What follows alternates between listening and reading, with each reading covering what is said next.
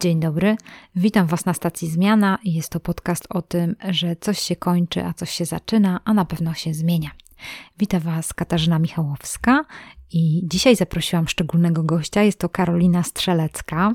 Karolina Strzelecka jest rekonstruktorką i dzisiaj ten podcast zabierze nas w przeszłość, zabierze nas w takie miejsca, o których już może zapomnieliśmy, o których y, już wiecie, gdzieś tam y, nie myślimy na co dzień, a to jest fajne, żeby zajrzeć w przeszłość i właśnie Karolinę poprosiłam o to, żebyśmy wspólnie wybrały się w fajną podróż w przeszłość, żeby porozmawiać o rekonstrukcji, jak to wygląda, co to za pasja, jak można rozwijać wokół tego społeczność. Zapraszam Was serdecznie do tej rozmowy.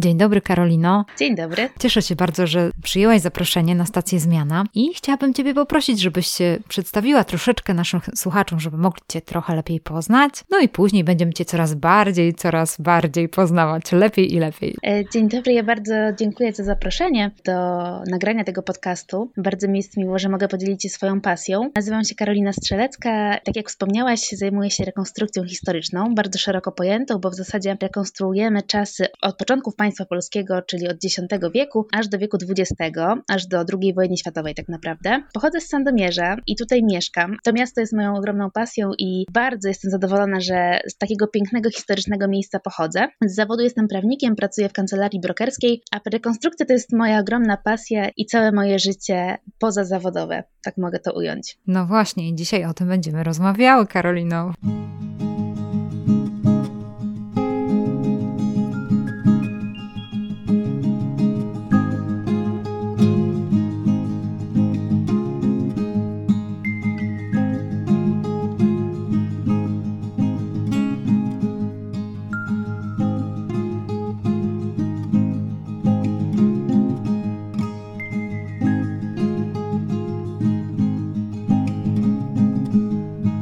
To jest niesamowite, że tak jak mówisz, w tym pięknym Sandomierzu wyobrażam sobie ciebie, również widziałam cię na przepięknych zdjęciach. Jesteś cudowną, piękną kobietą, która zabiera nas na tych zdjęciach przeróżne miejsca z dawnych czasów. Skąd u ciebie ta pasja? E, to zaczęło się e, bardzo niewinnie, bo nic nie zapowiadało tego, że ja kiedyś będę zajmować się rekonstrukcją. Mianowicie mój tata zabrał mnie do swojego znajomego na jazdę konną jako małe dziecko, wtedy 7-8-letnie. Jeździłam sobie mhm. konno, bardzo mi się to podobało podobało. Tak trwało kilka lat. Ja robiłam to czysto rekreacyjnie i nie wiedziałam wtedy, to znaczy może wiedziałam, ale jakoś specjalnie nie zwracałam na to uwagi, że ten człowiek, mówię tutaj o Andrzeju Burym, który obecnie jest bardzo znanym rekonstruktorem, nie wiedziałam, że właśnie zajmuje się rekonstrukcją i tu gdzieś już przestałam jeździć konno, zrobiłam sobie przerwę i gdzieś mi właśnie migali ci koledzy z, ze stajni na zdjęciach, gdzieś widziałam, że coś fajnego robią w strojach. No i będąc w liceum, tak przypadkiem trafiłam do jednej ławki z jednym z rekonstruktorów z naszej chorągwi sandomierskiej, który jak się dowiedział, że jeździłam konno, stwierdził, że to jest super sprawa i że może chciałabym wrócić do takich klimatów i może chciałabym zagłębić się w rekonstrukcję. I takim sposobem właśnie zaczęłam. Poszłam tutaj do naszej chorągwi rycerstwa ziemi sandomierskiej, do naszego stowarzyszenia, które zajmuje się rekonstrukcją historyczną w Sandomierzu. Tam poznałam super ludzi. Tak zostałam i przez te kilka lat się bardzo mocno rozwinęłam w tym temacie, więc zaczęło się niewinnie. W ogóle nic nie wskazywało na to, że kiedyś się tym będę tak zajmować, ale fakt, zawsze interesowałam się historią, zawsze ta historia gdzieś była obecna w moim życiu. Zresztą też mieszkając w Sandomierzu trudno nie interesować się historią. Mając na każdym kroku zabytki, które są naprawdę no, oryginalne, które są przepiękne, to trudno nie zauważać tego i, i nie pogłębiać swojej wiedzy, bo mamy to po prostu na każdym kroku. Więc tak jak Karolina zabrała nas, no tak na chwileczkę, chociaż do Sandomierza, my jeszcze oczywiście będziemy tam wracać za chwilę. Miałam taki pomysł, wiesz, dzisiaj Karolina na tą naszą rozmowę, że ponieważ ostatnio wczytywałam się w potop Henryka Sienkiewicza, to myślałam o tym, żeby czasami czasami naszą rozmowę przerwać opisami kobiet, które e, Henryk Sienkiewicz zrobił, bo to nada nam też taki klimacik tej rozmowy. Mhm. Nie wiem, czy pamiętasz Oleńkę Bilawiczównę, mhm. no wielka miłość, która się w tej książce przewija aż do końca samego, ale słuchaj, znalazłam taki bardzo ciekawy opis Oleńki i chciałam nam to przytoczyć, żebyśmy trochę poczuły ten klimat. Oleńka chowana przez starego żołnierza, stawiającego pogardę śmierci na czele wszystkich innych cnót. Wielbiła męstwo z całego serca, więc nie mogła się oprzeć mimowolnemu podziwowi dla tej rogatej rycerskiej fantazji, którą można było chyba razem z duszą z ciała wypędzić. Zrozumiała i to, że jeśli Kmicic Radziwiłłowi służył, to z pewnością dobrą wiarą, jakąż więc krzywdą było dlań posądzenie o rozmyślną zdradę, a jednak ona pierwsza wyrządziła mu tę krzywdę, nie oszczędziła mu ani obelgi, ani wzgardy, nie chciała mu przebaczyć nawet wobec śmierci. Na grusz krzywdę, mówiło jej serce. Wszystko się między wami skończyło, aleś mu to powinna wyznać, że go nieszczęśliwie sądziła. Dłużnaś w nim jeszcze i siebie. Lecz było w tej pannie także dumy niemało, a może nawet i nieco zawziętości. Więc nawet jej przyszło na myśl, że ów kawaler pewnie już o takie zadośćuczynienie nie stoi i aż rumieńce na twarz jej wyszły.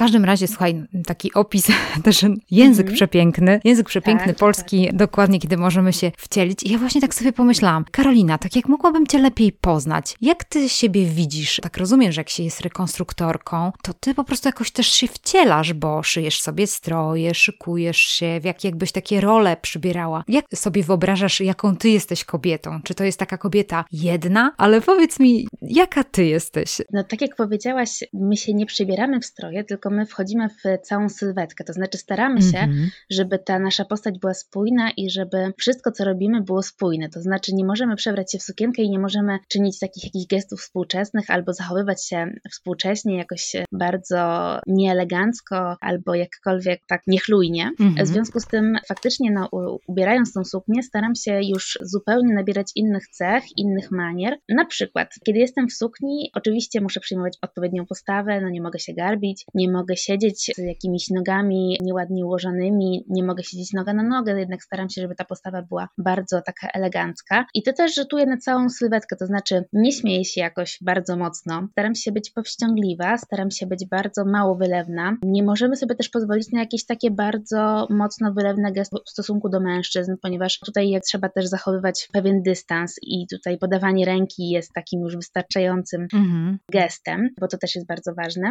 Generalnie staram staram się, żeby moja sylwetka była bardzo powściągliwa, posągowa, żebym wyglądała tak, jak kobiety na obrazach wyglądały, bo też mając kontakt z turystami, staram się, żeby ta moja sylwetka była dla nich atrakcyjna i żeby oni mogli, patrząc na mnie, przenosić się w czasie, a najczęściej robią to właśnie wyobrażając sobie gdzieś obrazy, które widzieli właśnie w jakichś zamkach, albo czytając jakieś książki, czytając właśnie takie opisy. Staram się przypominać im właśnie takie postacie, żeby było to dla nich atrakcyjne, spójne i żeby mogli się przenieść w czasie. Pytałaś, jaką jestem kobietą? Mhm. Wydaje mi się właśnie, że taką bardzo powściągliwą, w stroju oczywiście, jestem bardzo powściągliwa, bardzo spokojna, raczej mało mówię, nie uśmiecham się jakoś bardzo mocno. Staram się, żeby wszystko to było wyważone, żeby być bardzo spokojnym, delikatnie uśmiechniętym, raczej taką silną osobowością, ale właśnie powściągliwą, no nie wyrażającą zbyt wiele emocji. Bo wydaje mi się też, że taki obraz damy, czy to XVII-wiecznej, czy XVIII-wiecznej, XIX-wiecznej, właśnie taki jest, że kobieta nie wyrażała zbyt wiele emocji, nie była jakąś szaloną tutaj postacią,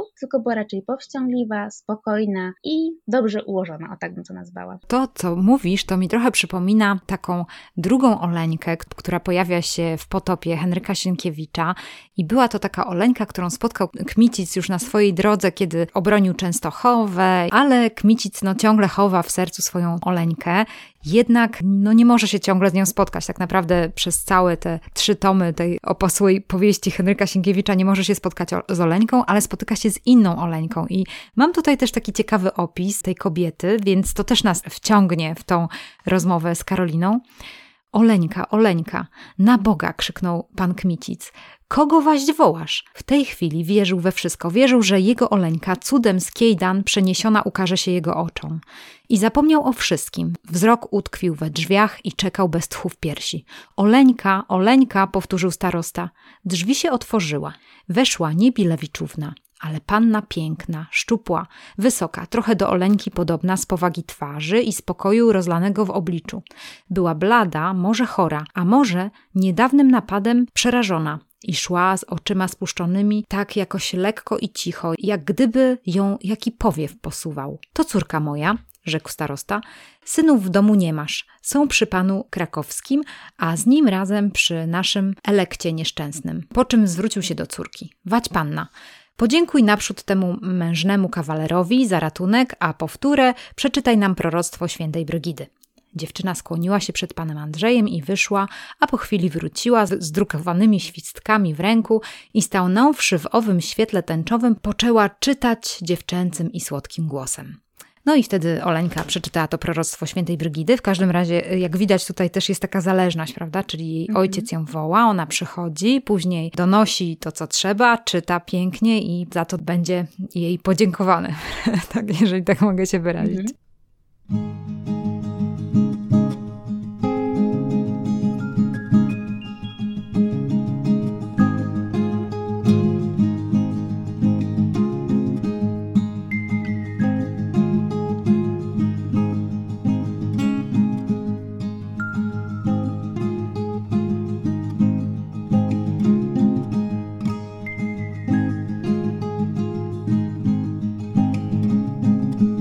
Więc no są, tak jak mówisz, te maniery, pewne zasady, które już no, nie, nie są w naszych czasach. Tak, to tak wszystko nie wygląda. No i właśnie Karolina, no jesteś młodą dziewczyną, młodą osobą i chciałam się ciebie zapytać, jak to, jak to ciebie pociągnęło? Dlaczego ty tak chcesz e, to przybliżać ludziom? Dlaczego to jest właśnie coś takiego według ciebie fajnego?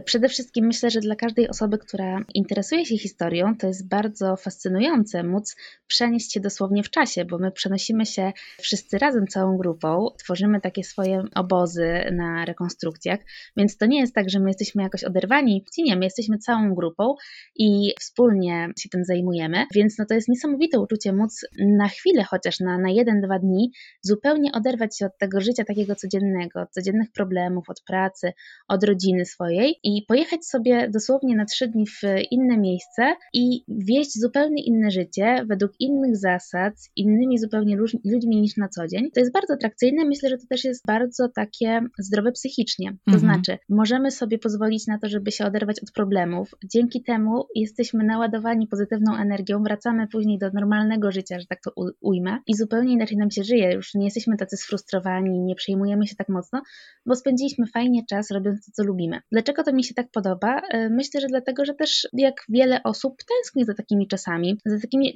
czasami, które kierują się określonymi zasadami, gdzie ten świat jest troszeczkę inny niż ten współczesny i my naprawdę się tak e, staramy zachowywać na tych rekonstrukcjach. Zupełnie by inaczej wygląda też podział ról damskich i męskich, to znaczy e, panowie są no, mocno tak nastawieni na pomoc kobietom, na podział tych obowiązków takich obozowych. To jest wiadomo współcześnie czasami dobre dobre, czasami złe, no różnie to można oceniać. Natomiast jest to zdecydowanie inny niż tak żyjemy na co dzień, więc to jest bardzo atrakcyjne. A po drugie, każda z nas chyba chciała być księżniczką, jak była mała, ewentualnie które z nas chciały być wojowniczkami, a rekonstrukcja pozwala na to, żebyśmy właśnie takie role pełniły i żebyśmy spełniały swoje dziecięce marzenia. No, nie wszyscy mogą być aktorami, więc wydaje mi się, że bycie rekonstruktorem zdecydowanie na to pozwala. Może już teraz takie bycie księżniczką to nie jest moje marzenie i zdecydowanie staram się już powoli odbiegać od takich bardzo wystawnych sylwetek. Natomiast jest to bardzo atrakcyjne, żeby ubrać się w taki niecodzienny strój i móc właśnie przenieść się w czasie i robić coś, czego nie robi tak wiele osób na świecie. O tak bym to mhm. nazwała. I Karolina, no i wtedy pytanie, dla kogo wy to prezentujecie? Czy tylko to jest po to, żebyście wy weszli w tą rolę i, i przeżyli coś i tak jak mówisz, te konsekwencje tego, że oderwiecie się od rzeczywistości, od tej pracy, od naszego nawet wieku, bo będziecie w innym wieku na chwilę, czy to jest też z przeznaczeniem dla innych, dla jakichś obserwatorów, których włączacie? Jak to wygląda? To znaczy, moim zdaniem to zależy też od tego, jaki to jest okres historyczny, jaka mhm. to jest okazja, jaka to jest impreza, bo e, zupełnie co innego jest, jeżeli jedziemy na taką rekonstrukcję, gdzie są sami rekonstruktorzy, bo i takie się zdarzają i po prostu no, nie wpuszczamy nikogo z zewnątrz, zewnątrz, robimy to tak jakby w swoim gronie, mhm. a zupełnie inna sytuacja jest, kiedy na przykład jedziemy ostatnim weekendem sierpnia pod Komarów na taką wielką inscenizację bitwy pod Komarowem z 1920 roku. No i tam naszym celem jest oczywiście, żeby zrobić to dobrze, żeby zrobić to w swoim gronie, ale my też chcemy pokazać tym turystom albo też mieszkańcom, że my pamiętamy o tej bitwie i chcemy uczcić pamięć o tych osobach, które tam poległy, zginęły, które oddały życie, zdrowie za Polskę. Więc to w zależności od tego, jaka to jest okazja i jaka to jest impreza, no to już tutaj jesteśmy się w stanie dostosować. Natomiast wydaje mi się, że rekonstrukcja ogólnie pełni taką dwojaką funkcję, bo z jednej strony my to wszystko robimy dla siebie, żeby siebie rozwijać, żeby siebie doskonalić, żeby poszerzać swoją wiedzę, swoje umiejętntności, ale z drugiej strony też to jest bardzo ważne, żeby uświadamiać ludzi, żeby troszeczkę edukować, żeby opowiadać o tym, co się kiedyś działo, żeby też poszerzać ich wiedzę, żeby oni byli coraz bardziej świadomi i żeby coraz więcej wiedzieli, bo wydaje mi się, że właśnie taka nauka w szkole nie da tyle, ile przyjście na rekonstrukcję, porozmawianie z rekonstruktorami, zobaczenie na żywo, jak to wygląda. Bo to są właśnie takie żywe lekcje historii, które moim zdaniem są bardzo też ważne. Mhm. Tak, Karolina, tu poruszasz taki ważny wątek edukacyjny, bo tak staram się sobie nawet siebie samą wyobrazić, jakbym była, wiesz, ubrana w zwykłą kurtkę i gdzieś tam obserwowałabym takich rekonstruktorów, ale z pewnością to, jak wy się zachowujecie, wpływa na osoby, które są włączone w tą sytuację. Czy, czy to widzicie, że oni, że ludzie się inaczej zachowują, że, że chcą się czegoś dowiedzieć, podpytać? Czy to trochę wpływa na tych ludzi, którzy są wokół was, jeżeli jesteście taką otwartą grupą rekonstrukcyjną i zapraszacie innych? Jak to wygląda? Zdecydowanie pytań jest zawsze mnóstwo i tutaj pytają turyści o najróżniejsze rzeczy. Zawsze, co każdego ciekawi, jest to, jak my wytrzymujemy w tych strojach, bo Państwo nie widzą może tego, może nie widzieli Państwo nigdy, jak takie rekonstrukcje wyglądają, ale faktycznie te nasze stroje to nie są współczesne cienkie ciuszki, które się zakłada jedną warstwę i jest się gotowym, tylko tutaj to już naprawdę są metry wełny, lnu, jedwabiu, w zależności od tego, jaka to jest sylwetka. I my to ubieramy na siebie no, w każdą pogodę. Czasami jest zimno, czasami pada deszcz, czasami jest bardzo gorąco. I zawsze turystów interesuje, jak my wytrzymujemy, jak wytrzymujemy w gorsetach, jak wytrzymujemy w tej wełnie, jak jest na przykład lato i jest bardzo duża temperatura. Więc zdecydowanie zaczynają od tego wątku i później to się już po prostu rozkręca. My opowiadamy, w co jesteśmy ubrani, jak to kiedyś wyglądało, jak kiedyś ubierały się kobiety, jak kiedyś ubierali się mężczyźni. Opisujemy to wszystko. No i od tego się zaczyna. Wiadomo, że zwykle kobiety częściej pytają o takie kwestie związane właśnie z modą, modą, z bielizną historyczną, z ubiorem, z fryzurami, z kwestią higieny, bo to też jest bardzo ciekawe. Mężczyźni częściej zaczepiają właśnie naszych rekonstruktorów odnośnie broni, odnośnie walki, też trochę słyszeli czasami, trochę mówią, co oni wiedzą, pytają się, czy to jest prawda, czy to są mity. I to jest bardzo takie fajne, że, że możemy czasami sobie porozmawiać. Czasami też przyjeżdżają do nas osoby, które nie są rekonstruktorami, ale na przykład mają ogromną wiedzę z zakresu historii, bo zajmują się tym zawodowo, albo to jest ogromna ich pasja. Więc to też jest fajne, że my czasami się możemy czegoś nauczyć. Ja pamiętam, że jedno z moich pierwszych takich spotkań z turystami to było spotkanie z parą, która była kustoszami w Muzeum Narodowym w Warszawie. Mhm. I też oni mi dużo opowiadali o swojej pracy i mogłam się też dużo dowiedzieć, dlatego absolutnie dla nas to też jest bardzo ważne, żeby spotykać się z ciekawymi ludźmi i też poszerzać swoją wiedzę, bo czasami turyści potrafią też powiedzieć takie ciekawostki, że no, potrafią nas zagiąć. Także to nie jest też tak, że tylko my uczymy, ale także my też się uczymy. A, super. Taka obopólna nagroda, prawda, że, że wy też Dokładnie. czegoś się dowiadujecie. Słuchaj, Słuchaj, Karolina, mała przerwa. Ja sobie pomyślałam o tym, mhm. że kiedy e, czytam sobie potop i zastanawiałam się nad kobietami opisanymi w potopie, zanim się przygotowałam do rozmowy z tobą, to pomyślałam sobie, że ja bym chciała być taką Heleną Skrzetuską. Mhm. Tutaj w potopie ona już jest, wiesz, bo wcześniej był najpierw mhm. ogniem i mieczem, a mhm. tutaj już Helena Skrzetuska jest taka dojrzalsza, nie? I to tak sobie pomyślałam, to mhm. taka ja.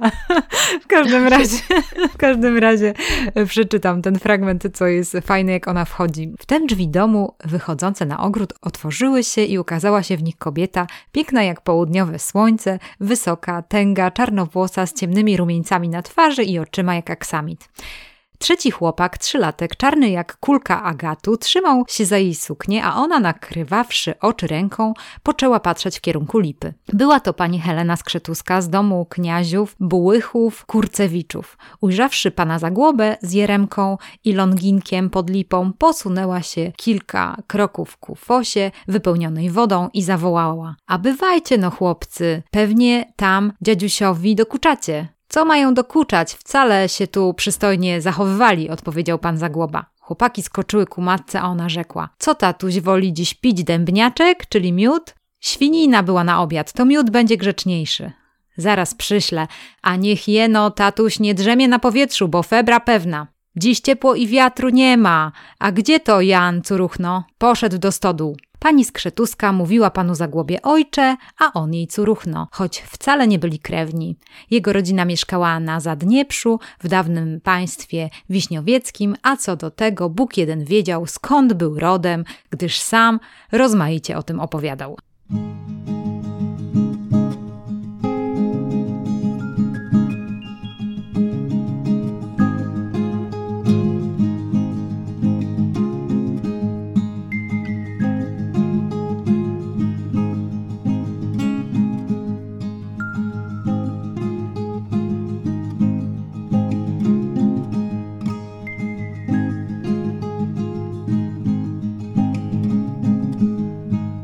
Karolino, posłuchaj, e, chciałam się Ciebie zapytać, jak to wygląda z punktu widzenia e, tego, jak e, już, no bo jesteś poważną panią prawnik i, i teraz tak sobie wyobrażam, że osoby, które są z, z Twojej pracy, no dziwią się na pewno, że tutaj albo podziwiają Twoją pasję. Jak godzisz to z pracą, powiedz, jak to jest połączone? E, to znaczy, e, dla mnie praca na etacie, czyli pracuję od 8 do 16, no jest bardzo dobra i powiedziałabym wygodna, tak? Ponieważ ja do tej 16 sobie grzecznie pracuję, a mhm. po 16 no wracam do innego świata i, i moje weekendy też wyglądają zwykle inaczej niż takich przeciętnych mieszkańców Sandomierza. Natomiast to godzenie z pracą nie jest trudne, to znaczy wydaje mi się, że no oczywiście no, trzeba jakoś to sobie wyważyć, natomiast wydaje mi się, że nie taka ogromna pasja jest pomocna nawet w pracy. To znaczy, myślę, że wiele osób, które działają w rekonstrukcji, mają trudną pracę, gdzieś tam pozbyły się albo ominęły problem wypalenia zawodowego właśnie przez to, że działając w rekonstrukcji, mając tak ogromną pasję, one się same nakręcają, same napędzają i żyją po prostu tą rekonstrukcją. Oni o tym myślą, odrywają się od problemów. To jest bardzo ważne i wydaje mi się, że to pomaga zdecydowanie w pracy. Ja jestem prawnikiem i oczywiście pracuję na etacie, natomiast e, są osoby w rekonstrukcji, które pracują w ogromnych przedsiębiorstwach, są e, prezesami zarządów, są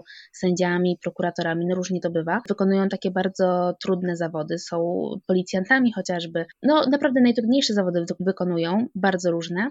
Nawet mamy lekarzy w, w swoich szeregach, więc to naprawdę różnie bywa. I wydaje mi się, że jak się chce, to się wszystko połączy. Wiadomo, że jeszcze połączyć to z rodziną, z życiem prywatnym jest trudno, no ale my nie umiemy bez tego żyć. Ja sobie nie wyobrażam mm -hmm. w mhm. ogóle, żeby tego nie było i żebyśmy mm -hmm. mieli pracować do 16 i potem wracać do domu i czym się zajmować. No ja sobie w ogóle nie mogę sobie przypomnieć tego momentu, jak to było, kiedy nie było rekonstrukcji. Kiedy nie było, tak. Dokładnie, mm -hmm. albo nie mogę sobie przypomnieć w ogóle, nie mogę sobie wyobrazić, wyobrazić tego momentu, że ja wracam teraz do domu i, i co ja robię w weekendy.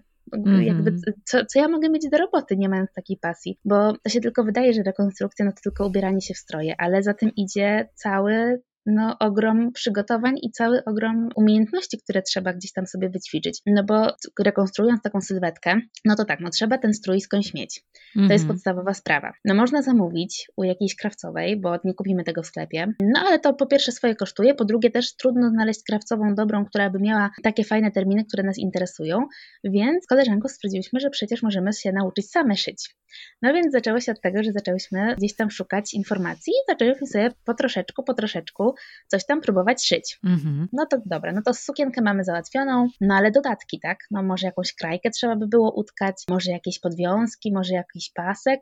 No to dobra, no to nauczymy się tkać. No, trzeba coś zrobić na szydełku. No to dobra, no to nauczymy się robić na szydełku. No, ale kiedyś były hafty jeszcze, no to może nauczymy się haftować. Więc zaczynając od jednej rzeczy, to tak naprawdę cały czas idzie do przodu. Mhm. A na przykład mężczyźni, no, zwykle jeżdżą konno w rekonstrukcji, więc trzeba tak naprawdę każdy wolny czas spędzać na tym koniu, żeby się cały czas uczyć, żeby cały czas pogłębiać te swoje umiejętności jeździeckie. Więc to też jest ogromne zajęcie, żeby każdą wolną chwilę no, dla tego konia znaleźć i żeby cały czas się w tym szkolić. Do tego są grupy, które zajmują się na przykład łucznictwem, więc to też trzeba cały czas z tym łukiem gdzieś tam biegać po terenie i ćwiczyć i próbować, więc każda umiejętność, którą my mamy jako rekonstruktorzy, każdą tą umiejętność musimy pogłębiać i spędzać na niej czas, więc to nie jest tak, że mamy sezon od maja do, do września, a od września do maja to sobie nic możemy nie robić i, i tak dalej. No nie, właśnie od września do maja to my się zajmujemy tym, żeby przygotować te stroje, żeby przygotować zbroje, żeby właśnie się szkolić, żeby się uczyć, czytać, bo to też jest bardzo ważne.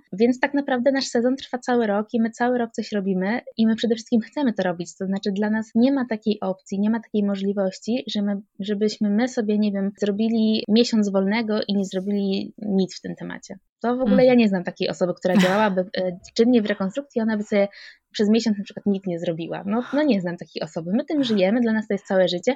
Bardzo często też nasze grono znajomych, przyjaciół się obraca w tym kręgu, więc no my nawet takie prywatne życie już y, mamy połączone z, z rekonstrukcją, bo to nie da się tego oddzielić. My spędzamy w tej grupie rekonstrukcji ze sobą naprawdę bardzo dużo czasu czasami nawet więcej niż ze swoją rodziną albo ze swoimi partnerami, więc to jest, no naprawdę nie da się tego rozdzielić i to jest no jedna wielka grupa, która wpłynęła na całe nasze życie. To jest tak jakby drugie życie nasze, takie po godzinach, po pracy, po szkole, bo często też mamy uczniów, studentów, mm -hmm. także nie da się tego zupełnie rozdzielić. Mm -hmm. Tak i tak myślę sobie też, załóżmy, jeżeli chodzi o pogodzenie tego z pracą, to też jest decyzja taka finansowa, że z pewnością jakaś część waszych oszczędności, czy tam jakiś ktoś wyjeżdża, załóżmy do ciepłych krajów, a ktoś ktoś inny kupuje jakąś przędzę albo jakiś materiał naturalny, bo podejrzewam, że no przecież nie było tam plastikowych rzeczy kiedyś dawniej, -hmm. tylko się wszystko robiło z naturalnych materiałów. Czy tak jak mówisz, y, no może maszynę, może zakup maszyny, no trzeba na to też mieć jakieś fundusze, więc teraz budżet też inaczej się ustawia ze względu na swoją pasję, bo to jest coś cennego, coś fajnego i y, możesz na przykład mieć nową sukienkę. I to mnie ciekawi właśnie, no wiadomo, że to może to faktycznie takie kobiece pytanie,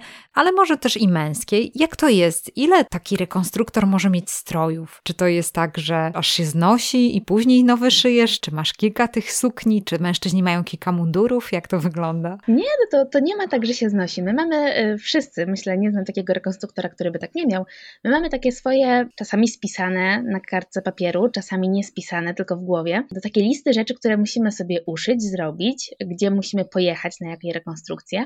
No i to jest mniej więcej tak, no przynajmniej w moim przypadku, że chcąc coś sobie uszyć, no to ja jak zobaczę fajną wełnę, to ją po prostu kupuję kupuję, czy tam len, mhm. E, czy mhm. jedwab, kładę do szafy i potem sobie myślę, co ja mogę z tego zrobić. I generalnie zawsze jest tych pomysłów za dużo, z, zawsze jest za mało czasu, zawsze można by było coś zrobić lepiej, wiadomo, no to już każdy do tego tak podchodzi. Natomiast no nie ma tak, żeby to była jedna sukienka i tylko w jednej chodzimy. Staramy się cały czas pogłębiać tą swoją garderobę i cały czas coś robić nowego. No to też jest tak, że chcemy być jak najbardziej modni i chcemy jak najlepiej te stroje odzorowywać, więc może być tak, że jest jakieś nowe znalezisko archeologiczne albo jakaś nowa publikacja. No i na przykład stwierdzimy, że ten strój, który mieliśmy do tej pory, no to on nie jest taki, jakbyśmy chcieli tak docelowo. W związku z tym na przykład sobie szyjemy coś nowego, coś, co jest bardzo podobne, ale już się różni detalami i chcemy być coraz lepsi w tym. No bo to jest też bardzo ważne, żeby starać się jak najlepiej odzorowywać te dawne czasy, żeby nie iść na łatwiznę. No to jest nie do pomyślenia mhm. w ogóle, żeby używać współczesnych suwaków, żeby używać, używać poliestru, plastiku, więc staramy się, żeby cały czas tą swoją wiedzę pogłębiać i cały czas szyć coś nowego. To absolutnie my mamy po kilka, kilkanaście strojów, cała szafa w tym. Największy problem właśnie mamy z tym, gdzie to przechowywać w ogóle, bo to najlepiej by było mieć w domu osobny pokój na to, bo no, sukienki swoją drogą, tak, ale to cała bielizna historyczna, wszystkie buty, wszystkie dodatki, torebki, kapelusze, kołpaki, czyli takie czapki, no to naprawdę jest bardzo dużo rzeczy. Panowie też mają bardzo dużo szabli, jakiejś broni białej, mają siodła, więc e, naprawdę dobrze jest mieć gdzie to schować, bo to się tylko tak wydaje, ale to naprawdę jest mnóstwo elementów. W tym budżecie całym trzeba uwzględnić również oszczędzanie na większe mieszkanie, żeby to pomieścić, bo no Karolina, słuchaj, no to są priorytety po prostu. Niektórzy wyjeżdżają na all inclusive, słuchaj, na wczasy, no, a drudzy a drudzy po prostu oszczędzają na to, żeby mieć pokój dodatkowy albo jakiś magazyn, który można by było wynająć.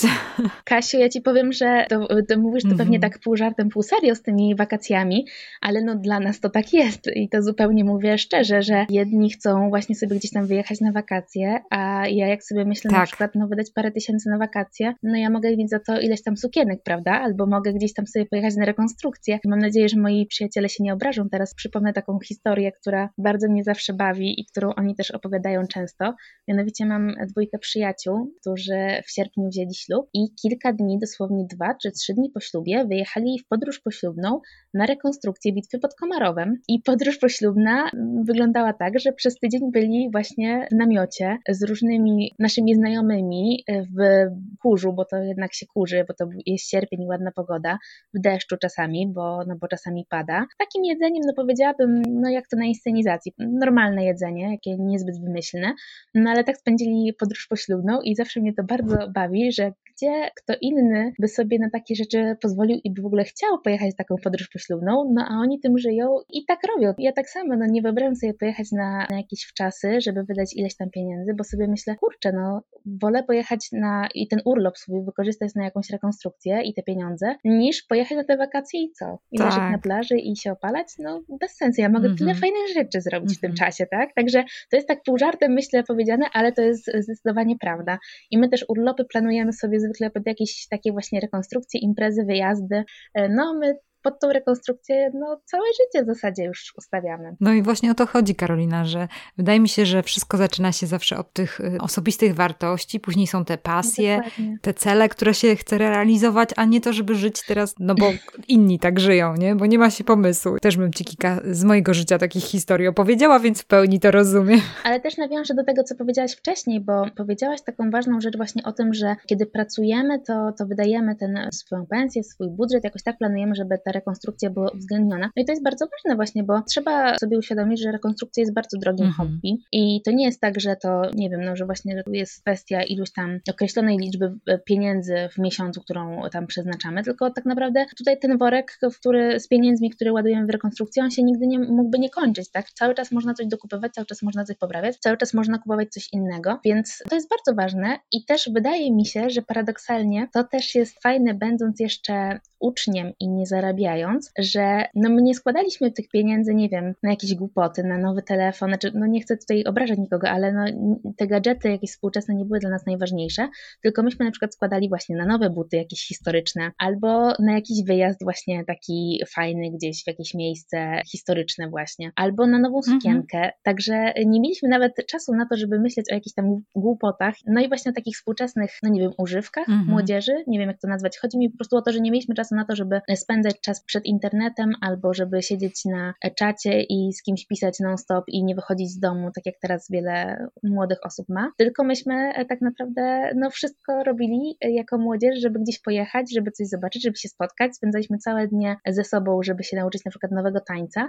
Więc wydaje mi się, że ta pasja też jest dla młodego człowieka fajna i ważna, bo nie ma się czasu na głupoty. Nie chce się nawet tych głupot jakichś takich robić jako młody człowiek, no bo po prostu całe życie też się już zaczyna kręcić wokół rekonstrukcji konstrukcji. No i to też wydaje mi się, że, że spowodowało, że, no, że wyrośliśmy na takich, wydaje mi się, poważnych ludzi, że właśnie mieliśmy od samego początku gdzieś w głowie jakąś pasję. I to już pomijając, czy to jest pasja rekonstrukcji, czy to jest jakaś tam, nie wiem, wspinaczka, czy to jest właśnie jazda konna, mhm. cokolwiek. Mhm. Tylko ważne jest to, żeby mieć jakąś pasję, żeby na niej się skupić, żeby na nią wydawać pieniądze, żeby na, na nią też, na niej też spędzać swój wolny czas, bo to bardzo dużo mhm. daje. Bo ja sobie nie wyobrażam na przykład właśnie być człowiekiem bez żadnego takiego takiego ogromnego zainteresowania czymś, to znaczy bez żadnej takiej właśnie pasji, no bo co tu robić? Ja sobie w ogóle tego nie mogę wyobrazić, jak niektórzy mówią, że się nudzą, czy to, nie wiem, studenci, tak. czy uczniowie, czy osoby dorosłe. Nie wyobrażam sobie tego i wydaje mi się, że to jest bardzo ważne, żeby i w dziecku, i później w osobie dorosłej cały czas tą chęć do rozwijania swojej pasji zaszczepiać i żeby zarażać po prostu mhm. tym, żeby pokazywać, że można, że da się, że da się pogodzić i rodzinę, i pracę, i tą pasję. Wszystko się da, jak się chce. Tak. Także bardzo wszystkich zachęcam, żeby już od małego małego dołączać do grup rekonstrukcji historycznych, bo potem to mhm. po prostu rzutuje na całe życie. W ogóle pasja i też to, że się rozwija swoje zainteresowania, no bo wiadomo, że załóżmy, byś już miała małe dzieci, to nie wiadomo, czy one będą podzielały twoją pasję i też czy no ich jasne. umiejętności będą takie jak twoje, ale z drugiej strony właśnie warto patrzeć poprzez te umiejętności i te pasje, w sensie takim, żeby rozwijać te swoje zainteresowania. Ale wiesz co, Karolina, w tym kontekście tak zaczęłam sobie zadawać pytania i też jak przeglądałam twojego Instagrama, Instagrama, tak się zastanawiałam i też to, co powiedziałaś wcześniej, że jak się wcielasz w, w tą kobietę z tamtych czasów, gdzieś jakichś dawnych czasów, to jednak te twoje maniery są inne, inaczej mówisz, inaczej się uśmiechasz, nie śmiejesz się na przykład bardzo głośno. I teraz y, mi to ciekawi, Karolina, no za czym tęsknisz? Y, w sensie takim, że tak myślisz sobie, ojku, szkoda, że tego nie ma w naszych czasach. Albo na przykład może jest jakaś rzecz, którą sobie przeniosłaś z tamtych czasów do naszych czasów i jej używasz. Albo jest coś takiego, co, no, coś jakoś tak sobie użytkujesz w swoim życiu, albo jakieś wartości może, które są z tamtych czasów i sobie wzięłaś je, zaadoptowałaś, przyłożyłaś do serca i mówisz, no to jest moje, ja tak właśnie chcę żyć. Czy są takie rzeczy u ciebie? Na pewno są. Ja tutaj powiem zupełnie subiektywnie i, i może nie każdy się ze mną zgodzi. Ja bardzo sobie chwalę na przykład też to, że kiedyś był duży podział pewnych czynności damskich, męskich. Tak, my dalej, będąc w tej grupie rekonstrukcyjnej, no na przykład, no to muszę powiedzieć może coś kontrowersyjnego na dzisiejsze czasy, ale na przykład e, panowie nas całują w rękę na przywitanie bardzo często, albo na przykład mhm. otwierają nam drzwi, albo nam pomagają mhm. w jakichś takich ciężkich czynnościach. Także mi się to bardzo podoba, że dalej w tych grupach rekonstrukcyjnych, tak jak kiedyś, faktycznie dawniej, są te pewne takie maniery i zachowania dżentelmenów i po prostu no, możemy się czuć damami, kobietami, nie musimy wszystkiego robić, jesteśmy troszeczkę tak traktowane, powiedziałabym nawet lepiej i mi się to osobiście bardzo podoba, zdaję sobie sprawę, że teraz nie jest to taki pogląd, który, z którym wszyscy się zgodzą, natomiast mi się to mhm. bardzo podoba, no to jest bardzo też miłe czuć się taką e, osobą wyróżnioną w pewien sposób. I faktycznie no, jest dużo takich rzeczy, które sobie gdzieś tam przenosimy, bo nawet styl ubierania, ten, który jest na rekonstrukcjach, no my bardzo często też przenosimy na życie codzienne, bo też no, podobają nam się w ogóle takie stroje retro i takie troszeczkę e, wyrwane z tamtych czasów, więc na przykład bywa tak, że my też tak na co dzień staramy się chodzić tam w spódnicach więcej, w spódnicach zakrywających kolana. No ja może tak jeszcze różnie z tym mam, bo to już zależy od okazji, natomiast bardzo się ten styl nam podoba i faktycznie często go przenosimy. Natomiast w ogóle takie wartości, wydaje mi się, które kiedyś były bardzo ważne, czyli honor, czyli taka pomoc drugiemu człowiekowi, też takie braterstwo, to mi się bardzo podoba i cieszę się bardzo, że nawet jeżeli wśród tych swoich znajomych z rekonstrukcji są jakieś tam utarczki albo są jakieś kłótnie, to mimo wszystko, jak coś się dzieje, to jeden drugiemu zawsze pomaga i nie robimy sobie świństw. I wydaje mi się, że, że to jest bardzo ważne i to mi się bardzo podoba, że to z tamtych czasów zaczerpnęliśmy. Bo, mm -hmm. no bo mhm. dzisiejszy świat jest taki troszeczkę, moim zdaniem, no nie stawiającym na wartości. E, czasami wydaje mi się, że dzisiejszy współczesny świat stoi na głowie, a jednak fajne jest to, że możemy przenieść pewne te wartości, właśnie takie honorowe, no do współczesnego świata i możemy chociaż w tej swojej grupie starać się sobie pomagać i gdzieś tam to kultywować Oczywiście no nie zawsze się udaje, wszyscy jesteśmy ludźmi i, i różnie to bywa, są różni ludzie oczywiście. Natomiast zawsze jest tak, że się staramy sobie pomagać, staramy się właśnie zachowywać honorowo, staramy się no nie robić jakichś tam niefajnych rzeczy, bo jednak traktujemy się no w zasadzie jak rodzina. No jest różnie czasami, nie każdy się musi z każdym lubić, ale traktujemy się jak rodzina, bo spędzamy ze sobą bardzo dużo czasu. No i też chcąc nie chcąc, jeżdżąc na różne takie wyjazdy, no musimy e, sobie pomagać, bo byśmy zginęli bez tego. No jeden drugiemu pomoże i jakoś jest zawsze łatwiej, więc mm, no to są mhm. dla mnie takie bardzo ważne aspekty. Wydaje mi się, że to można na każdym polu jakichś takich elementów szukać, bo no, my tym żyjemy. My staramy się, tak jak Ci powiedziałam, nie umiemy tego rozdzielić, nie umiemy powiedzieć, mhm. że y, że teraz od, od tej do tej godziny zajmujemy się tylko tym, a potem wracamy do domu i zupełnie nas to nie interesuje i w tych godzinach jesteśmy normalnymi ludźmi i tak dalej. No nie, to się jedno z drugim przenika, łączy i tak naprawdę każdy aspekt gdzieś tam sobie przenosimy na to życie codzienne. Raczej teraz ma większy nas wpływ e, takiego wygodnego życia, trochę takiego hedonistycznego podejścia. Mi jest dobrze, takiego określania bardzo mocno swoich potrzeb. Uczymy się określać swoje potrzeby od najmłodszych lat. No i to ma też te swoje takie, no te gorsze strony, że często no, czujemy się, że, że potrzebujemy na przykład pomocy w jakiejś sprawie, a ktoś nam nie pomaga. Ja ostatnio właśnie miałam takie doświadczenie z koleżanką, która się przeprowadzała i byłam w szoku, że nie pomagała jej siostra. I to było takie ciekawe, no bo tam coś miała swojego. I myślę sobie, jejku, jak to jest możliwe, że mam jedyną siostrę, że załóżmy, bo ja też mam siostrę, ja bym mhm. wszystko rzuciła, żeby jej mhm. pomóc. Ale wiem już teraz, że ludzie są na tyle asertywni, że nawet w takiej sytuacji, kiedy mi się wydaje, że, że to jest oczywiste, że powinno się komuś pomóc, to niekoniecznie ktoś inny tak myśli. I, mhm. no i trzeba jakoś umieć z tym żyć. No to Karolina współczuje ci, bo ty jak zanurzona w tamtych czasach, w tych ideach, idei poświęcenia, honoru, lojalności, żyjesz w takim czasie, kiedy honor, poświęcenie i lojalność nie jest dobrze odbierane, więc no to tak. też nie jest łatwe. Tak, no y, generalnie my się często zmierzamy z jakimiś tam mm, różnymi opiniami. Już y, pomijam to, że część osób się z nas śmieje, że my w tych strojach chodzimy i się gdzieś pokazujemy. Natomiast wydaje mi się, że przez to, że jest nas tak dużo w jakiejś tam grupie i się nawzajem rozumiemy, no to już po prostu gdzieś tam nie zwracamy uwagi na opinie innych. I co też chciałabym tak podkreślić, bo to jest wydaje mi się też ważne, że też uczymy się takiego patriotyzmu, no tak, tak, tak to mogę ująć, ponieważ cały czas jesteśmy z tą historią bardzo blisko, uczestniczymy w różnych obchodach, uroczystościach. No cały czas staramy się swoją postawą pokazać e, tą miłość do ojczyzny i wydaje mi się, że to też nie jest teraz takie bardzo popularne i takie bardzo pochwalane w niektórych kręgach, ale cały czas staramy się, żeby to rozwijać, żeby pokazywać, żeby się tego nie wstydzić, że to jest dla nas najważniejsze. Staramy się cały czas to kultywować, właśnie tę pamięć też o innych, o tych, którzy mm, no, już nie żyją, którzy polegli w obronie ojczyzny, także to jest też bardzo ważne, żeby, żeby sobie tamten patriotyzm przypominać i, i żeby starać się go kultywować. Dlatego też właśnie wybrałam ten potop. Zaraz y, przeczytam nam jeszcze jedną, mam kobietę do nas tutaj przyszykowaną. Karolina, mam taką mhm. niespodziankową ostatnio, ale w kontekście właśnie Henryka Sienkiewicza, on pisał potop w XIX wieku, a tak naprawdę pisze o wieku XVII, więc mhm. dla niego to też jest taka nostalgia, tak jakoś tak pokojarzyłam i ciebie, i ten potop, w którym akurat wtedy byłam i myślałam sobie o tym, no tak, czyli Henryk Sienkiewicz pisze o czymś, co było dawno, co było kiedyś, on to wspomina, chce nam to przybliżyć, jakoś to pokazać, no ale przez to miał też pewne cele, bo chciał też właśnie wzmocnić tego ducha, tego, że no już tyle lat wciąż nie mieliśmy niepodległości, to był czas, kiedy było po powstaniu listopadowym i ten duch narodu podupadł bardzo mocno, no ale jakby, no ja tak z mojego punktu widzenia, że jak czytam tą książkę, to myślę sobie ludzkie pojęcie, ale ksenofob, że tak powiem, tak, takie miałam myśli, albo, albo antysemita, albo który bardzo krytykuje protestantów, albo krytykuje wiarę muzułman. No w każdym razie ja to rozumiem też dlaczego, bo chciał zjednoczyć Polaków i powiedzieć, że jesteśmy razem i, i musimy się wspierać, no ale to zrobił jakimś tam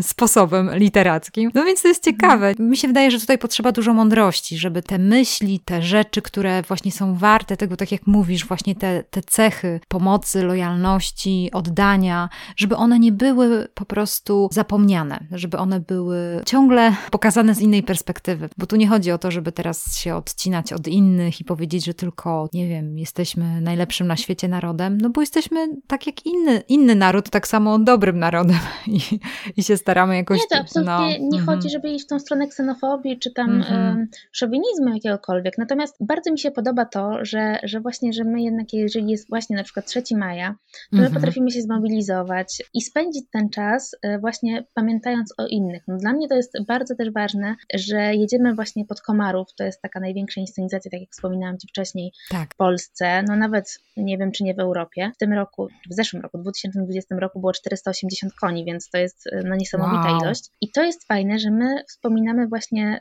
tych żołnierzy, tych ułanów, tych kawalerzystów, którzy polegli wtedy, ale byli zupełnie takimi samymi chłopakami jak dzisiejsza młodzież, czyli też mieli swoje jakieś radości, smutki i tak dalej. I to nie byli zupełnie jacyś tam inni ludzie, bo też byli różni. Natomiast wspominamy to, że oni tam zginęli, że oni tam oddali swoje zdrowie i to jest dla nas też ważne, że pokazujemy ludziom, że to kiedyś było, że, że nie można się od tego odciąć, że ten patriotyzm to jest też powracanie właśnie do takich momentów. No i też pamiętanie, edukacja, bycie świadomym Polakiem, to jest bardzo ważne i wydaje mi się, że to absolutnie nie idzie w tą stronę, żeby kogoś pomijać albo gdzieś tam się wywyższać, absolutnie nie, ale żeby właśnie czcić te momenty ważne w historii i żeby starać się też zarażać tym innych, tak, żeby pokazywać, że to nie jest żaden wstyd, że my się wcale tego nie wstydzimy, że jesteśmy z tego dumni, więc bardzo sobie cenię, a w kontekście tego, co mówiłaś o tych poglądach tak ówczesnych, na wszystko trzeba patrzeć też przez pryzmat epoki i tego stanu wiedzy, który był kiedyś, tej mm -hmm. mentalności. Łatwo jest to ocenić teraz i ja też sobie zdaję sprawę z tego, że to są takie rzeczy, które są często no bardzo, bardzo negatywne, natomiast trzeba mieć garstkę zrozumienia dla pewnych słów, bo kiedyś było zupełnie inaczej. No trudno nam sobie też to wyobrazić teraz, mając taką wiedzę, mając taką świadomość i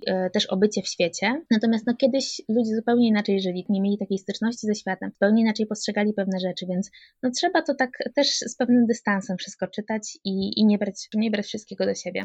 To się zgadzam. Też wydaje mi się, że problem jest czasami tak, że pomija się taką prawdę takiego mostu kulturowego, że trzeba ten most zbudować z naszej kultury do tamtej kultury i tam wtedy pobyć. Ja zawsze sobie myślę o tym, że, że fajne jest to, żeby wyciągnąć pewne zastosowania z kultury tamtej do naszych czasów, bo nie można przecież wszystkiego przenieść tak, jak to wyglądało, bo no nie da rady. Więc te rzeczy, które są uniwersalne prawdy, te rzeczy, które się sprawdzały. Mi się wydaje, że Sienkiewicz świetnie opisał nasze przywary narodowe. Nawet w ostatnie czasy, które, te rzeczy, które się dzieją w Sejmie i to, jak to opisuje e, Sienkiewicz, chociaż mówi o innych w ogóle rzeczach, które się odbywają i po prostu to jest identyczne, wiesz, bo chodzi o to, że taki jest człowiek. No, także... Dokładnie tak. No słuchaj, to chciałam Ci przeczytać ostatnią kobietę, którą na dzisiaj przygotowałam. Ciekawa jestem, czy w ogóle taką znasz. Może jakaś jest też w grupie Waszych rekonstruktorek tego rodzaju kobieta. Pewnego jednak dnia przybyła do Taurogów z konwojem kilkudziesięciu żołnierzy panna Anna Bożobochata Krasieniska. Brown przyjął ją bardzo uprzejmie, bo musiał, gdyż mu tak nakazywał list Sakowicza przez samego Bogusława podpisany, a polecający wszelkie dla respektowej panienki księżny Gryzeldy Wiśniowieckiej mieć względy.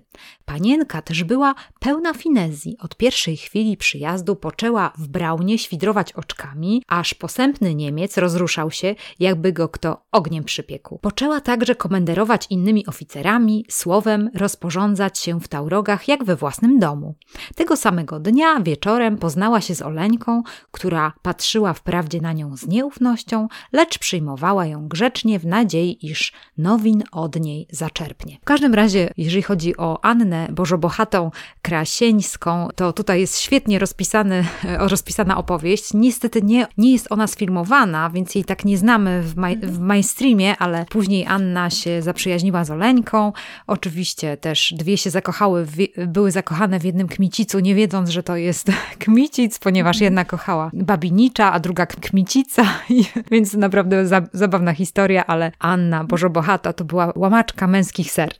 No są, są i takie kobiety. No tutaj nie będę może mówić e, konkretnie, które, ale no oczywiście się zdarzają. To jest, no tak naprawdę w rekonstrukcji jest cały przekrój różnych sylwetek i różnych też kobiet, które mają różne charaktery. Czasami pewnych zachowań nie da się gdzieś tam ukryć. Czasami się też nie chce pewnych rzeczy ukrywać, więc to już w zależności od każdego indywidualnie, jaką sylwetkę kto chce przybrać i jakie też e, cechy charakteru zachować. No tak to jest. Jak najbardziej wydaje mi się, że taki też e, flirt istnieje też w tańcu. To jest bardzo ważne, bo no to świdrowanie oczami, no to też nie jest takie przypadkowe, bo, no bo czym innym gdzieś e, poderwać i, mm -hmm, i mhm, flirtować mm -hmm. niż takim czymś, tak? Niż takim wzrokiem. Więc jak najbardziej są to jakieś takie ówczesne metody na, współcześnie można powiedzieć, że na taki podryw. E, natomiast faktycznie, no zdarzają się, zdarzają się takie sylwetki jak najbardziej. Generalnie są różne kobiety w, w rekonstrukcji i czasami bardzo waleczne, czasami są też nie tylko właśnie takimi damami dworu, ale czasami też normalnie walczą. Natomiast jest, jest to cały przekrój. Naprawdę trudno tutaj jakoś generalizować, bo każda, każda kobieta zachowuje się tutaj inaczej i każda ma jakieś tam swoje też wyobrażenie o tym, co by chciała robić. No i to jest piękne właśnie w rekonstrukcji, że też można się dopasować swoją osobowością, tak podejrzewam, pod jakąś, pod jakąś rekonstrukcję, że to niekoniecznie muszą być tylko, tak jak mówisz, damy, tylko też y, jakoś kobiety waleczne, czy mężczyźni, którzy gdzieś tam jeżdżą konną, inni są pewnie kowalami, inni jakieś inne rzeczy wykonują, więc pewnie jest jakiś przeróżny podział. Dokładnie. I chciałabym też tak podkreślić, może, może kogoś zachęcę do tego, żeby się tym zainteresował, ale chciałabym właśnie tak podkreślić, że nie trzeba mieć jakichś tam konkretnych umiejętności albo jakiegoś takiego wzoru osoby, która może należeć do rekonstrukcji historycznej, bo tak naprawdę każdy się może dopasować. Każdy ma inne umiejętności, każdy ma inny charakter, ale dla każdego naprawdę znajdzie się miejsce. Każda osoba, która jest w rekonstrukcji, którą znam, robi coś innego w życiu, zajmuje się czymś innym, ma inną sytuację, ma inne umiejętności. No naprawdę różnie bywa, ale każda jakąś swoją e, rolę odnalazła i to jest też bardzo fajne. Często jest to kontrowersyjne pod takim względem, że często kobiety nas się pytają na przykład, że one chciałyby jeździć konno, jako na przykład tak zwane ułanki. No nie jest to możliwe i to jest taki, no nie minus, bo ja tego nie nazywam minusem, ale to jest taka przeszkoda w rekonstrukcji, że no pewne role męskie są nie do przejścia dla kobiet i tego się trzeba trzymać, bo nie można robić czegoś, co nie było poparte źródłami ani historią. Natomiast nawet jeżeli na przykład w tym dwudziestoleciu międzywojennym nie może być kobieta ułanką, to może znaleźć sobie wspaniałe inne role i może odnaleźć się zupełnie w innej roli. Więc to jest fajne, że każdy dla siebie znajdzie miejsce, każdy może robić coś innego. Każda kobieta może na przykład jedna tańczyć, inna strzelać z łuku, inna może gotować, inna może szyć. Także naprawdę tu ról jest mnóstwo i tak samo mężczyźni mogą spełniać się w każdej e, funkcji, czy to jako piechota, czy to jako kawaleria, czy to jako artyleria. Także naprawdę jest tutaj miejsce dla każdego i też w każdym wieku, bo to nie jest tylko tak, że to mogą być tylko na przykład osoby dwudziestoletnie, ale to mogą też być dzieci, mogą to być też osoby starsze. No naprawdę dla każdego jest miejsce i każdego bardzo zachęcam. No to jest niesamowita przygoda. To jest takie bycie aktorem troszeczkę w sposób mhm. amatorski, no ale to jest styl życia i to jest niesamowicie interesująca przygoda. Od razu mi przychodzi do głowy takie pytanie, jeżeli ktoś z naszych słuchaczy by był właśnie tak jakoś się rozgrzało mu się serce, że stwierdziłby, że to może jest dla niego, jak znaleźć takie grupy rekonstruktorskie i też jak jak je też dopasować do siebie, no gdzie, gdzie ja bym się odnalazła, gdzie, gdzie tutaj jest dla mnie miejsce. Ja myślę, że każdy powinien odpowiedzieć sobie sam najpierw, co go interesuje, co by chciał robić, jaki ma plan na siebie i też jaki mniej więcej okres historyczny go interesuje. No bo oczywiście zdaję sobie sprawę, że nie każdy musi wiedzieć konkretnie, jakie datowanie go interesuje, ale tak mniej więcej, czy na przykład bardziej woli średniowiecze, wczesne, na przykład takie właśnie X wiek, czy bardziej mu się podobają te czasy właśnie ogniem i mieczem, XVII wiek, bo się naoglądał filmów albo naczytał się właśnie trylogii Sienkiewicza, albo na przykład bardziej go kręci II wojna światowa, bo jest to najbliższy nam czas i może na przykład słyszał od dziadka jakieś opowieści i chciałby się to zagłębić, więc wydaje mi się, że trzeba zacząć od tego i później po prostu popatrzeć. No, najlepiej na Facebooku, bo teraz to jest takie najlepsze dla nas narzędzie, najszybsze dla nas narzędzie i po prostu poszukać czegoś, co jest w okolicy. No, z doświadczenia wiem, że w każdym tak naprawdę mieście, no, większym, mniejszym, jakaś grupa rekonstrukcji jest. No, jeżeli się chce, to można nawet dojeżdżać. No, znam ludzi, którzy na przykład mieszkają w Warszawie, dojeżdżają do Krakowa albo odwrotnie, tak? No, ta odległość y, nie jest problemem, jeżeli się czegoś bardzo chce. No i właśnie szukamy takiej grupy rekonstrukcji historycznej, która nas interesuje. Są różne na przykład grupy na Facebooku, gdzie można dołączyć gdzie się można na przykład zapytać, że hej, szukam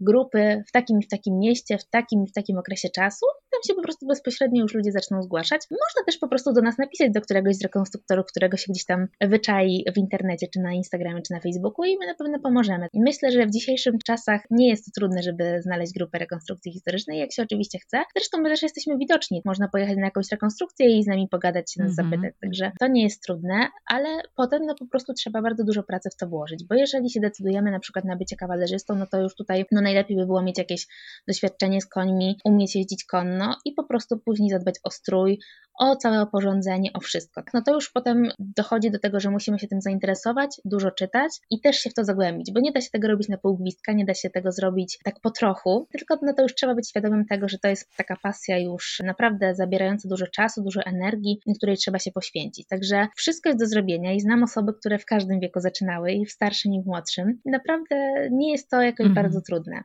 Tak jak zresztą ty mnie znalazłaś zupełnie przypadkiem tak. na Instagramie, to sama widzisz, że po prostu te możliwości internetu pozwalają tak, na tak. wszystko. Chodzi mi o to, że nie można się wstydzić nas zapytać i nie można się gdzieś tam bać, bo my jesteśmy wszyscy normalnymi ludźmi Myślę, że każdy, kogo się zapyta o pomoc i zapyta się gdzieś tam o, o, radę, to każdy pomoże. No właśnie, i też możemy mieć taką pomoc od naszych algorytmów, bo jeżeli chodzi o znalezienie Karoliny, kiedy ją znalazłam, to później już algorytm mi podpowiadał różne osoby, które mogą zajmować się rekonstrukcją. Ja sobie tam przejrzałam i różne sukienki, właśnie kawalerzystów, obejrzałam panów przystojnych, którzy przepięknie prezentują konie swoje i, i jazdę konną. Naprawdę bardzo fajne, bo skorzystałam, wiesz, no, z tej sztucznej inteligencji inteligencji, która później mi tam podpowiadała następne osoby do obserwowania, więc to jest też fajne. I w tym kontekście chciałam się Ciebie zapytać, Karolina, czy Ty masz swoich ulubionych rekonstruktorów, których jakoś szanujesz bardzo i lubisz, więc możesz nawet ich polecić?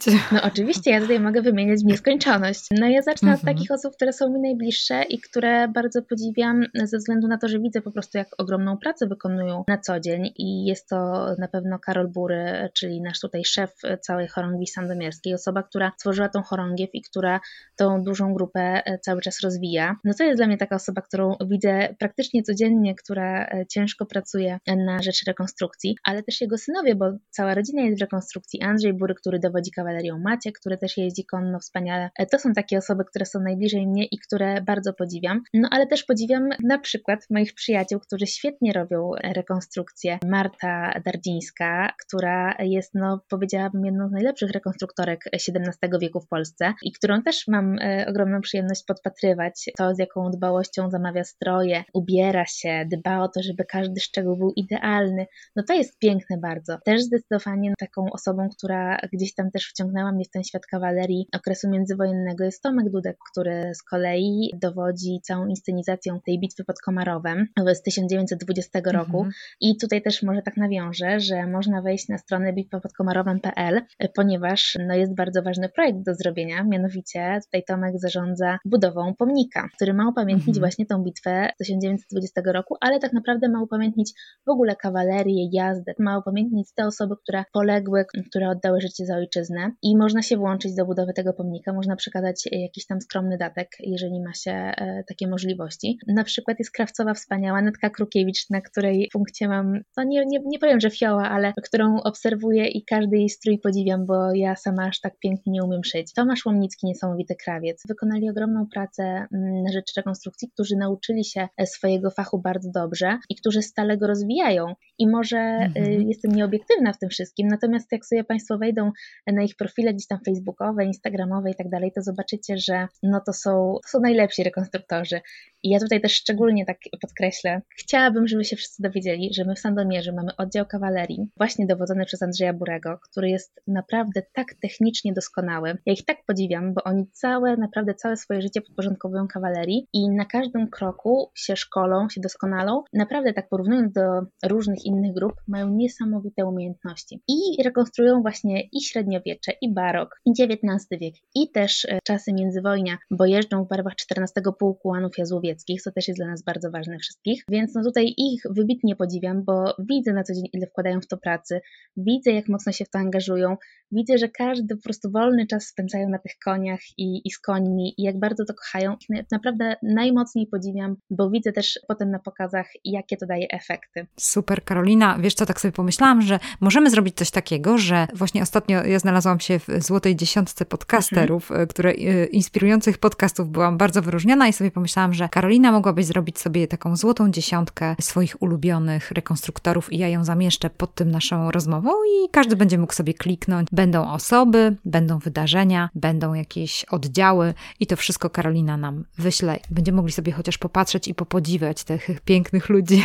No dobiegamy do końca naszej rozmowy. Ja bardzo Ci dziękuję. Mhm. Dziękuję Ci za tą pasję, za to, że naprawdę nią zarażasz i jestem ciekawa, czy to będzie już taka pasja do końca Twojego życia? Chciałabyś do końca życia się zajmować rekonstrukcją? Jak myślisz? No ja sobie nie wyobrażam, że tak nie będzie.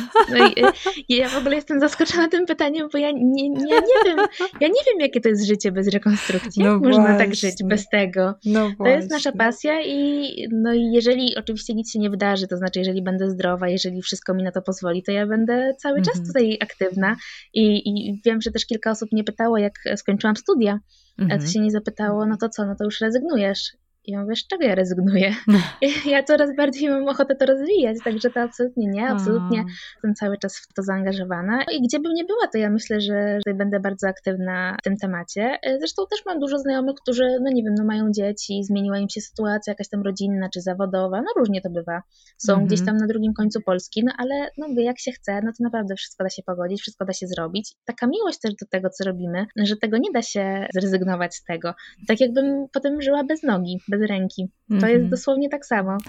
E, I wydaje mi się, że tak jak rozmawiam z różnymi ludźmi, no to to jest u nich e, takie samo podejście. My sobie nie wyobrażamy bez tego życia i dla nas to jest taka radość, no taki już po prostu styl życia, że, że nie umiemy inaczej. Tak, dokładnie. I to jest piękne. Osoby, które są już dłuższy czas w rekonstrukcji, no to po prostu już w tym zostają już do końca, do mm -hmm. kiedy mhm. tylko mogą. Czasami dla nas ta rekonstrukcja jest ważniejsza niż wszystko inne. Mm -hmm. No pięknym też przykładem jest e, to, jeszcze tak się rozgadam, ale pięknym Innym przykładem jest dla mnie na przykład to, że no może sobie Państwo nie zdają sprawy, bo, bo tak nie macie może styczności, ale na przykład jak nasza kawaleria, w ogóle nie, no nie tylko nasza, ale generalnie jak każdy kawalerzysta jak gdzieś tam jedzie na koniu i potem jest spoczynek, no to to nie jest tak, że, że siada się z konia i się zajmuje sobą tylko, tak? Nie, nie. Najpierw musi ten koń być najedzony, ogarnięty, czysty i tak dalej no potem się zajmujemy sprzętem, a dopiero my jesteśmy na końcu, czyli te priorytety są zupełnie inne i dla nas naprawdę bardzo często ta rekonstrukcja i to wszystko, co się w niej dzieje, jest najważniejsze. No i czasami poświęcamy dużo rzeczy, żeby się tą rekonstrukcją zajmować,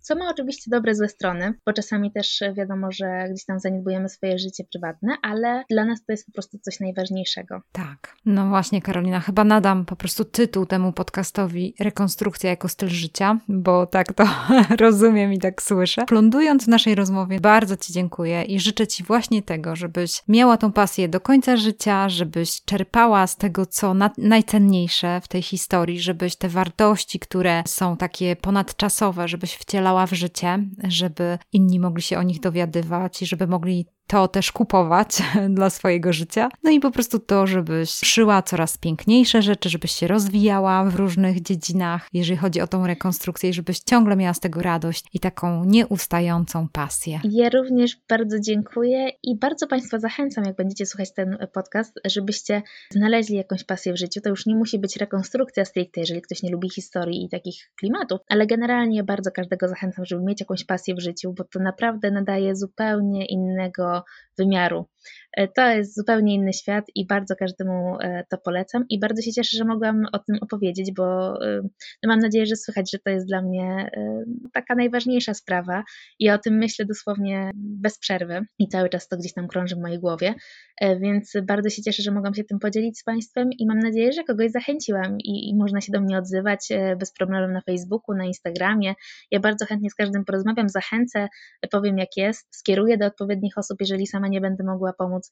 Także jak najbardziej wszystkich zachęcam i, i mam nadzieję, że, no, że Państwo się będą nad tym poważnie zastanawiać. Dziękuję Ci bardzo za to, że byłaś z nami w podcaście. Dziękuję bardzo, pozdrawiam. Dziękuję Ci bardzo, Karolina. Pozdrawiam Cię serdecznie.